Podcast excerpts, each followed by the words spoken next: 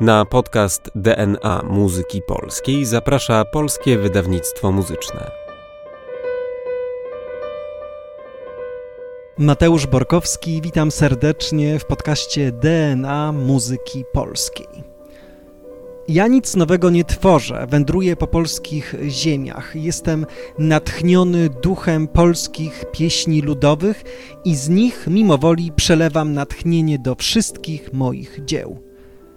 Tak skromnie o swojej twórczości mówił Stanisław Moniuszko. I to właśnie pieśni stanowią obok oper trzon jego dorobku. W dzisiejszym odcinku przeniesiemy się więc do świata XIX-wiecznej pieśni, a za sprawą mojej rozmówczyni dowiemy się, dlaczego świat pieśni Moniuszki nie tylko jest fascynujący, ale może nas wciągnąć do reszty. Zapraszam. A moim i Państwa gościem jest Magdalena Chrenkow, znawczyni pieśni, redaktorka najpiękniejszych pieśni Stanisława Moniuszki, które ukazały się nakładem polskiego wydawnictwa muzycznego, ale także współautorka rozdziału poświęconego pieśniom w wielkim kompendium dotyczącym Moniuszki. Dzień dobry. Dzień dobry. Za co właściwie sama cenisz pieśni Moniuszki i jak to się stało, że zaczęłaś się zajmować między innymi pieśniami? Tutaj muszę powiedzieć, że nie byłoby mojego zainteresowania pieśniami Moniuszki najprawdopodobniej, gdyby nie pan profesor Mieczysław Tomaszewski, profesor Akademii Muzycznej w Krakowie, nasz guru i mistrz, który kiedyś zaproponował mi napisanie referatu na sesję naukową poświęconego właśnie pieśniom Moniuszki. A potem kierował moją uwagę w stronę pieśni sielskich i bardzo chciał, żebym się zajęła głównie piosenkami sielskimi. No i poniekąd zajęłaś się tymi pieśniami, także sielskimi. Tak. Na szczęście miałam jeszcze drugą osobę, drugi autorytet, mianowicie panią profesor Elżbietę Dziębowską, która mi powiedziała, dziecko, jeżeli ugrzęźniesz w sielskich, to to nie będzie dobre. Zajmij się wszystkimi. Dzięki, dzięki Tobie mamy te pieśni wydane, poukładane, mamy je opisane. Opisałaś e, te pieśni w kompendium razem z profesor Ireną Poniatowską. Tak. A za co cenisz te pieśni? Ja przede wszystkim te pieśni bardzo lubię. Ja lubię ich słuchać. Oczywiście mam swoje, swoich faworytów. I to nie zawsze są takie pieśni, które są najczęściej wykonywane. E, mam taki ulubiony zestaw pieśni, właśnie niektóre są sielskie, niektóre bardziej liryczne, niektóre refleksyjne, które mają po pierwsze przepiękne melodie, po drugie całkiem przyzwoity akompaniament, dość bogaty harmonicznie, mimo że z reguły uważa się, że ten akompaniament u Moniuszki bywa prosty. I niektóre wyprzedzają swój czas przez sposób zakomponowania. Jest taka przepiękna pieśń Łza. Łza się wokół kręci, jak się jej słucha. Mhm. To jest pieśń, którą mógłby napisać Debussy. To myślę, że lepszej rekomendacji nie może być, jeśli ktoś nie zna tych pieśni i słyszy o Debussy, a jest trochę uprzedzonym do muzyki polskiej czy do Moniuszki, a są takie osoby przecież. Jak słyszą nazwisko Moniuszki, od razu mają hasło opery narodowej. W ogóle naj... muzyki narodowej. Muzyki narodowej. Narodowość i w ogóle skojarzenie Moniuszki z tym, co narodowe i budowanie tożsamości narodowej w czasach zaborów. To zrobiło Moniuszce największą krzywdę, ponieważ wszyscy go szufladkują jako tego, który pisał tylko po to, żeby podtrzymać polskość w XIX wieku w Polsce, która była wówczas pozbawiona swojej suwerenności. Natomiast tak naprawdę to owszem, pisał pieśni po to, ale równocześnie miał tak niebywały talent, że te pieśni wykraczają poza kategorię narodowości. Wśród tych y, pieśni, o których najczęściej słyszymy, jest Prząśniczka. Tak, to jest pieśń bardzo często wykonywana i mało tego, to jest pieśń, której tytuł ostatnio taką mam, nie wiem jak to określić, radość z pytania ludzi, co znaczy prząśniczka. I wszyscy mówią, że to jest ta kobieta, która przędzie, a tymczasem jest to część kołowrotka. No proszę, też bym tak odpowiedział, że... Ta, co przędzie, to tak. przątka. U prząśniczki siedzą, czyli u tego instrumentu, narzędzia, który jest fragmentem kołowrotka i które pozwala na przędzenie. Jakie były w ogóle intencje y, Moniuszki? Czy chodziło o stworzenie tego repertuaru śpiewów dla narodu, czy o coś, o coś więcej? Napisał rzeczywiście tak, że chciałby wypełnić przestronnie pusty katalog muzyki naszej narodowej, ale równocześnie myślę, że miał poczucie, że musi pisać pieśni, bo chciał poezję polską przetłumaczyć na język muzyki, ale z drugiej strony on musiał zarobić na życie. Mhm. I w związku z tym jedną z metod było wydawanie śpiewników domowych, ponieważ mógł na tym zyskać jakieś pieniądze. On nie miał przez bardzo długi czas stałej pracy. Więc to z jednej strony oczywiście to była twórczość, która była dla idei i dla narodu. Moniuszko traktował pisanie, sam mówił, jako obowiązek nałożony na talent. Czyli obowiązek, którym ten jego talent teoretycznie no, trochę ugrzązł. Ale myślę, że można o Moniuszce również mówić zupełnie inaczej. Śpiewniki domowe przeznaczone do wykonywania domowego, czy rzeczywiście? Tak, rzeczywiście. One powinny się w zasadzie nazywać śpiewniki narodowe, ale tego żadna cenzura by nie puściła. A w czasach, kiedy Moniuszko chciał wydawać te śpiewniki, które były tworzone na wzór almanachów, takich wydawnic, które zawierały bardzo różne elementy. To były rozprawy naukowe, to były dykteryjki, to były opisy, to były wiersze. To były po prostu takie quodlibet, zbiory wydawane. I w ten sposób wymyślił Moniuszko, że będzie wydawał śpiewniki domowe. Natomiast czasy były takie, że aby mógł to wydać, musiał mieć zgodę cenzury. A zgoda cenzury mogła się pojawić dopiero wówczas, jeżeli pełny materiał przedstawił cenzorowi. Nawet prospektu do śpiewników nie mógł wydać, dopóki nie przedstawił pełnego materiału pierwszego śpiewnika. Czyli to było takie obejście w, w ten sposób.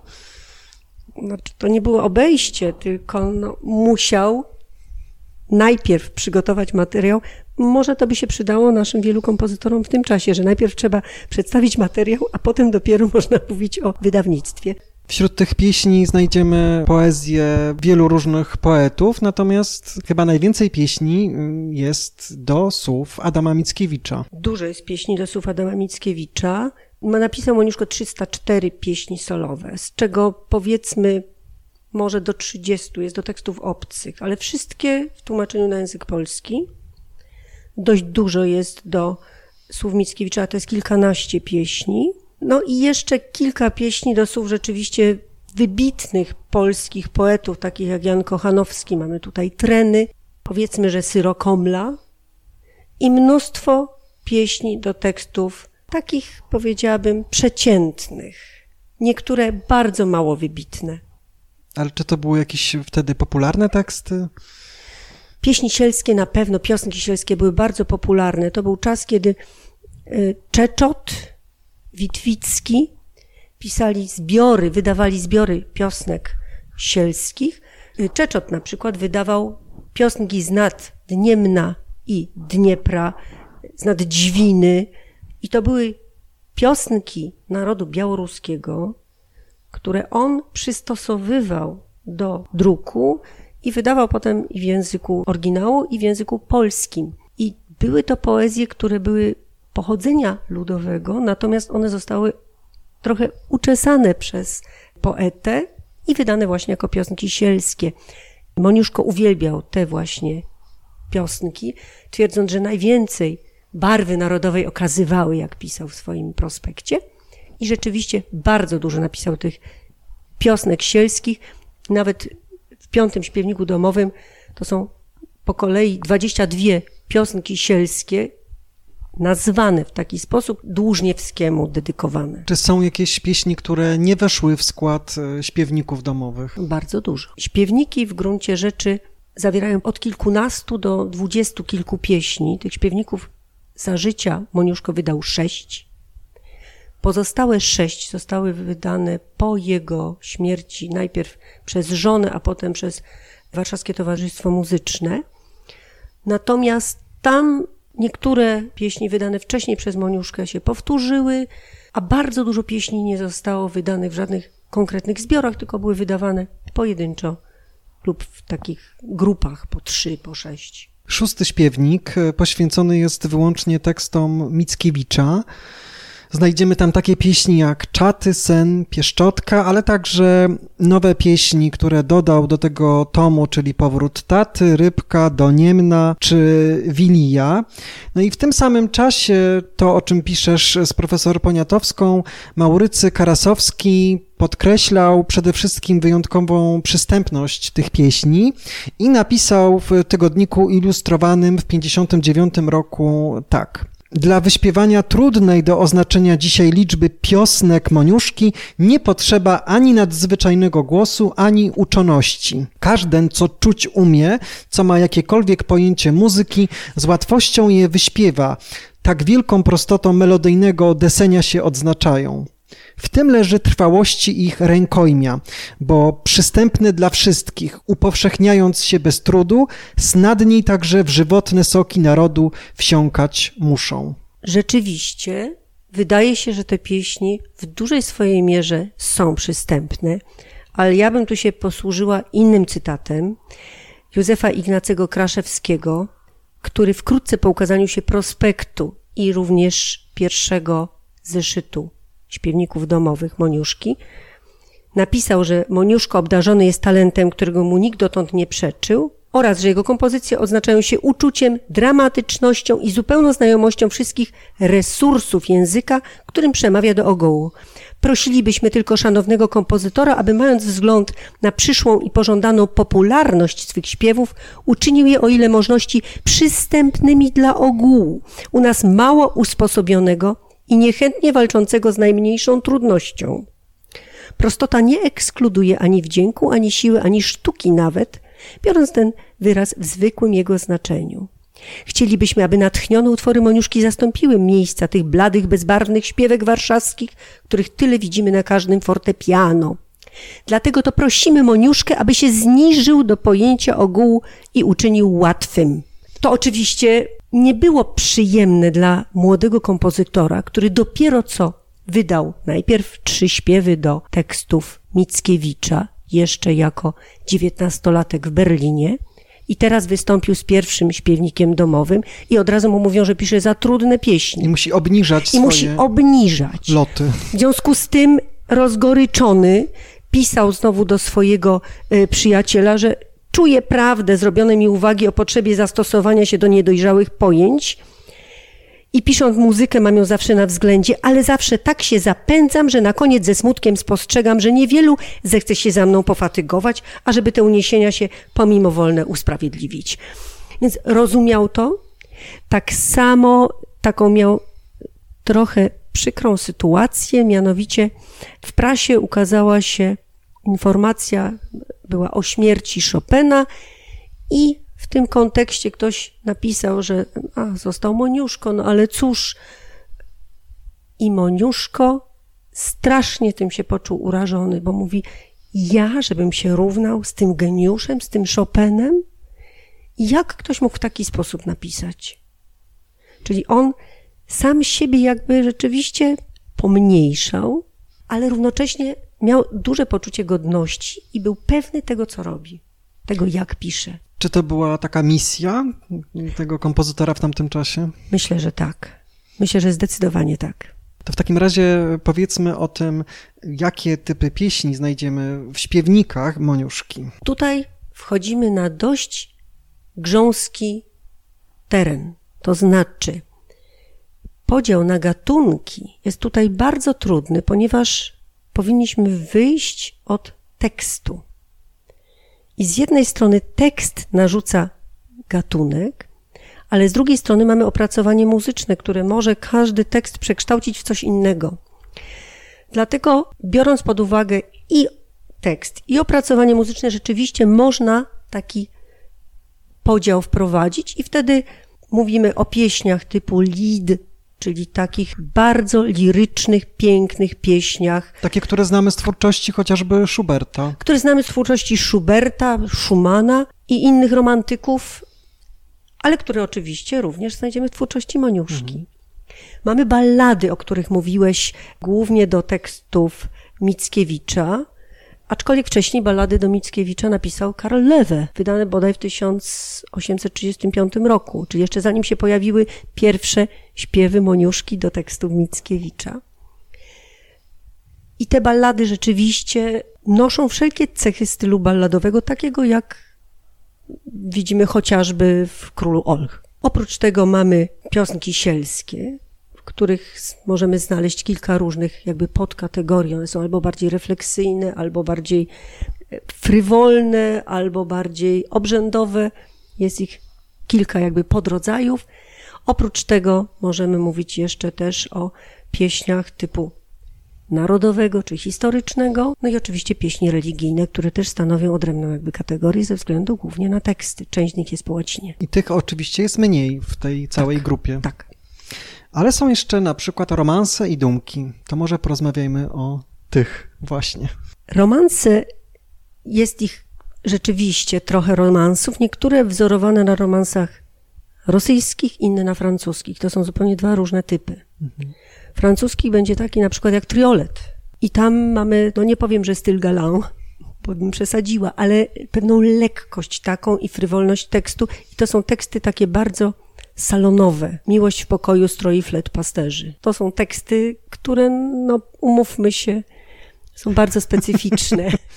A z drugiej strony mamy mm, takie romanse, które są pełne emocji, uczuć takich gwałtownych, burzliwych, i to są romanse właśnie, które nawiązują do romansu rosyjskiego. Ale pamiętajmy, że korzenie Moniuszki są na kresach, czyli tam mamy zbitkę i litewskich, i ukraińskich, i polskich, tamtejszych y, tradycji. Czyli to wieloetniczne, wielokulturowe środowisko, także przejawiające się w różnych melodiach, które Oczywiście, słyszą. że tak. Mhm. Oczywiście, że tak. Na przykład taki słynny Kozak. To jest melodia, która od dawna funkcjonowała na Ukrainie, została ubrana przez Moniuszkę w odpowiedni akompaniament, tym razem nie na bandurze, tylko na fortepianie, ale to jest melodia, która jest zdecydowanie zapożyczona z folkloru ukraińskiego. No a propos właśnie folkloru ukraińskiego, kiedy dziś e, pytam młodych ludzi o dumkę, to mają wyłącznie na myśli dumkę na dwa serca z filmu Ogniem i Mieczem, natomiast w czasach Moniuszki dumki były bardzo popularne w muzyce polskiej. Dumka była pewną odmianą piosenki sielskiej. Mówi się, że piosenka sielska była w tonacjach durowych, a dumka była odmianą molową. Zresztą miała taką specyficzną budowę może nie miejsce to, żeby mówić o konkretnej budowie muzycznej, jeżeli chodzi o układ taktów i melodii, ale jest pewien schemat, który się w dumkach powtarza. E, I rzeczywiście są to takie pieśni tęskne, które przywodzą na myśl szerokie stepy Ukrainy. I zdecydowanie są tego wschodniego pochodzenia. Czyli tam znajdziemy właśnie te melodie inspirowane folklorem ukraińskim? Tak, aczkolwiek one zostały oczywiście w taki sposób przez Moniuszkę opracowane, mhm. przedestylowane jakby, że no poza tym kozakiem, o którym rzeczywiście wiadomo, że nie jest do końca autorstwa Moniuszki, te melodie, one są tylko inspiracją. Rzadko znajdujemy cytat dosłowny. Podajecie też z panią profesor e, pieśni utanecznione jak profesor Tomaszewski mówił, choreiczne. W jednym z, y, ze śpiewników domowych jest taki zbiór Mazurów i Krakowiaków. I to są też ulubione właśnie pozycje Moniuszki. To są pieśni, które w zasadzie prawie, że można by było zatańczyć, a jedna z nich nawet, a dziewczęta z całej wsi będą się podziwiać. Mi była kiedyś dżinglem krakowskiego ośrodka telewizyjnego, z tego co pamiętam. Czy pieśni religijne w, w swojej melodyce e, nawiązują do jakichś pieśni polskich religijnych? Jak to jest? Moniuszko opracowywał polskie pieśni religijne, robił opracowania na organy. Nawet planował wydać śpiewnik pieśni religijnych. Zaczął pisać rodzaj prospektu i wydał parę zbiorów. Natomiast ten ostatecznie ten śpiewnik, taki jaki chciał napisać, nie ukazał się drukiem. Ale to jest jedna rzecz, to jest ta twórczość użytkowa religijna. Natomiast pieśni religijne, które pisał, częściowo do tekstów może nie liturgicznych, ale religijnych, pisanych, m, tak jak psalmy na przykład, pisał po łacinie. Natomiast pisał pieśni religijne do tekstów polskich i to były teksty o nachyleniu religijnym, nazywał je modlitwami, ale to były teksty, których przesłanie było zdecydowanie patriotyczne. I takie teksty wybierał. I tutaj można mówić, że przemycał poza cenzurą jako religijne pieśni, które wręcz nawiązywały do, może nie do zbrojnej walki, ale do modlitwy za tych, którzy walczą. Powiedzieliśmy o tym, że pieśni miały być przeznaczone do wykonywania domowego, że to była misja. One były mm, rozprowadzane w modelu subskrypcji. I dzięki Tak. temu, tak jak wspomniałaś, Moniuszko miał jakiś stały dochód, y, Nie za duży. nie za duży. Ale czy wiemy coś o, o muzykowaniu, właśnie o tym, jak to się wtedy odbywało? Czy te pieśni były wykonywane wtedy, były chętnie y, śpiewane? Dwory, dworki, może mieszczaństwo. To było to środowisko, które pielęgnowało te tradycje i rzeczywiście te pieśni śpiewało. Zachowały się nawet listy na przykład z Syberii, zesłańców, którzy prosili o przysłanie pieśni kolejnych Moniuszki i duetów i innych, ponieważ chcą sobie pośpiewać, żeby przybliżyć sobie dawne czasy, jak jeszcze mogli mieszkać na terenach Polski. Ta w zasadzie twórczość pieśniowa Moniuszki, można powiedzieć, że to był rodzaj akcji umuzykalniającej, ale równocześnie to był rodzaj antologii poezji polskiej, która w postaci pieśni trafiała do ludzi. Jeżeli ludzie uczyli się tych pieśni, to równocześnie poznawali poezję polską. Nie jestem przekonana, czy wszystkie wiersze Mickiewicza były na terenie Polski drukowane. Bardzo wiele pieśni było, tekstów Mickiewicza było drukowane na przykład czy w Petersburgu, czy w Paryżu. Nie wiem, na ile one funkcjonowały w obiegu codziennym na terenach polskich. Myślę, że cenzura tutaj też maczała swoje palce. Yy, I w związku z tym te poezje, które w postaci pieśni trafiały, człowiek się łatwiej uczy tekstów za pomocą piosenki, niż jak tylko ma recytować wiersz. Więc tak naprawdę ta antologia polskiej poezji trafiała, może nie pod strzechy, ale powiedzmy pod gąt i dachówkę dworków, dworów i mówię i do mm, mieszczaństwa. Myślisz, że Moniuszko byłby dumny ze swojej spuścizny, gdyby dzisiaj popatrzył na te wszystkie śpiewniki i swoje pieśni? Myślę, że był spełnionym kompozytorem. Myślę, że może gdyby żył dłużej, to jeszcze mielibyśmy szansę więcej pięknych pieśni zachować. Natomiast myślę, że mógłby być dumny. Wspomnieliśmy już y, Schuberta przy okazji tej odmiany wskazującej na Lied, ale w twórczości Schuberta pieśń ma ogromne znaczenie na pozostałe jego y, gatunki, chociażby utwory kameralne.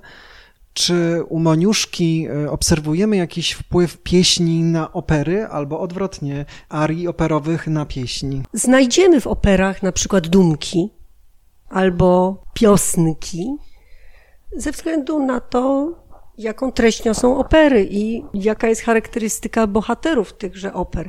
Natomiast twórczość Schuberta jest dużo bardziej rozległa. Przecież pisał i kwartety smyczkowe, i symfonie, i nie tylko, nie tylko pieśni, przecież jest ogromna twórczość fortepianowa. A u Moniuszki w zasadzie możemy mówić o twórczości wokalno-instrumentalnej. Owszem, jest trochę muzyki instrumentalnej, ale poza uwerturą bajka, która jest znana i wykonywana, powiedzmy, że twórczość fortepianowa nie jest to twórczość, która by wykraczała poza taki zwykły repertuar salonowy. Także nie bardzo tutaj można znaleźć inne gatunki, gdzie ta pieśń mogłaby zaistnieć, poza operą oczywiście. No pamiętajmy jeszcze, że to, że Moniuszko pisał do tekstu w języku polskim, też nie ułatwia rozpowszechniania tych pieśni. Język polski nie jest do końca wdzięcznym językiem. Jest bardzo dużo szeleszczących zgłosek. No nawet w pieśniach historycznych, jak powiemy przez szczęk, szabel i kulgrat, no nie śpiewa się tego najlepiej. Myślę, że nawet dziś wykonawcy i to polscy mieliby problem z niektórymi tekstami. Jest to, może być to wyzwanie Oczywiście, że tak. takiej tekstowej. Oczywiście, że tak. Trzeba mieć bardzo dobrą dykcję. No ale czy możemy właśnie porównywać te pieśni z pieśniami europejskimi? Czy tutaj Moniuszko może przedstawić się jako kompozytor bez kompleksów na tej właśnie niwie pieśniarskiej? Myślę, że można go przedstawić, jak może być jako kompozytor bez kompleksów traktowany, ponieważ jeżeli weźmiemy całokształt twórczości pieśniowej Schuberta, to ile tych pieśni tak naprawdę się śpiewa i wykonuje? Powiedzmy, że cykle, no ale na 600 pieśni naprawdę się nie wykonuje wszystkich. Jest pewien zasób tych pieśni, które są przepiękne i one są wykonywane. Ale jest mnóstwo pieśni, które są powiedzmy słabsze.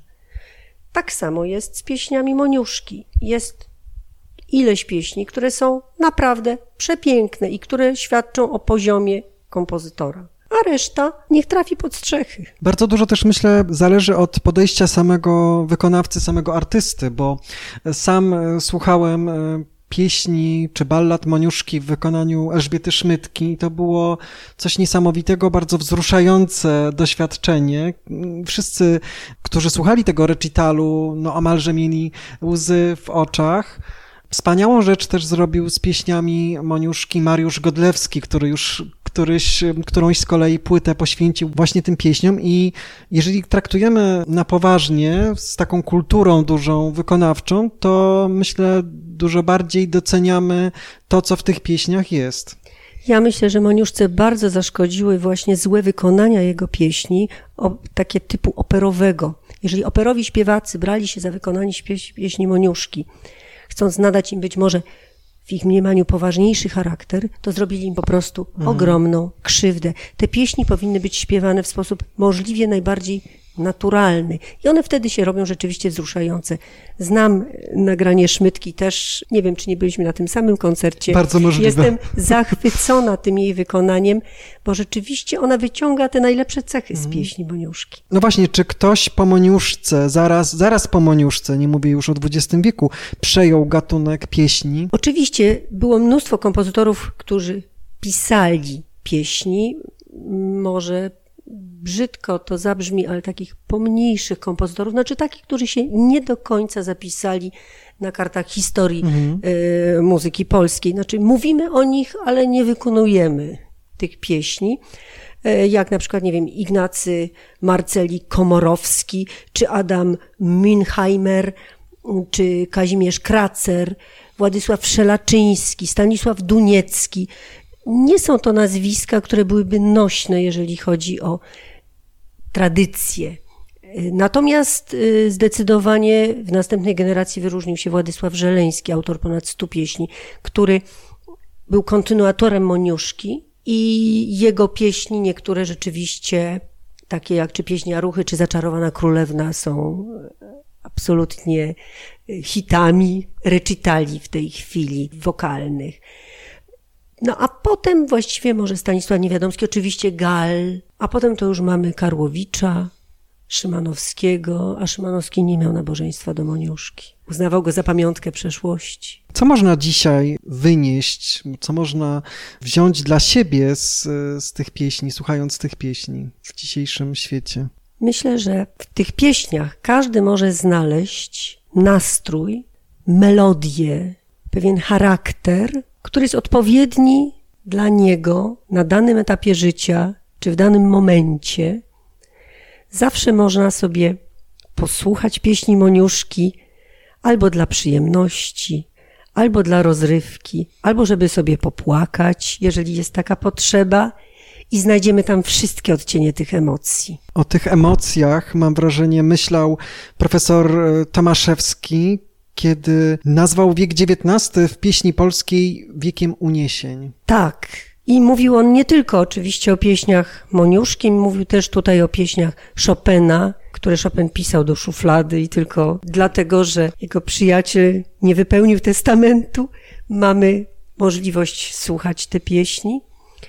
I, I mówił profesor również o wszystkich następcach Moniuszki. Rzeczywiście to jest wiek, kiedy Polska była w stosunku do pozostałych krajów europejskich w bardzo specyficznej sytuacji. Była krajem, który nie miał własnego miejsca. To znaczy istniał naród, znaczy właśnie pojęcie narodu się dopiero zaczynało kształtować. My o tym cały czas zapominamy. Tak naprawdę Polska to, były, to był zlepek wieloetniczny. Pojęcie narodu to jest pojęcie XIX-wieczne. Więc jeżeli my mówimy o tym narodowym charakterze, pamiętajmy o tym, że naród jako taki jeszcze w XIX wieku nie wiedział, że jest narodem. Mhm. To jest ważne.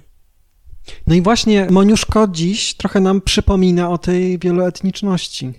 Tak, oczywiście, oczywiście. Myślę, że możemy y, życzyć słuchaczom, czytelnikom właśnie tych uniesień, a słuchaczom pieśni Moniuszki szczególnie. Tak, zwłaszcza, że niektóre pieśni, gdzie wielu kompozytorów próbowało umuzyczniać ten sam tekst.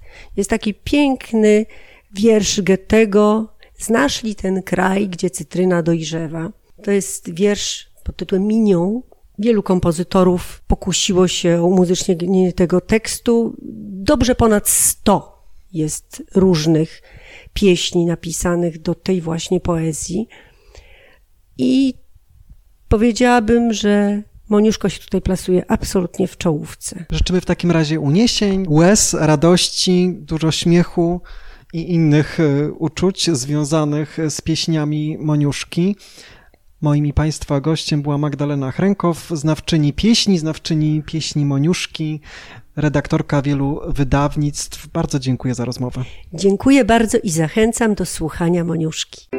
Wydawcą podcastu DNA Muzyki Polskiej jest Polskie Wydawnictwo Muzyczne. Zapraszamy na kolejne odcinki oraz do śledzenia naszych mediów społecznościowych.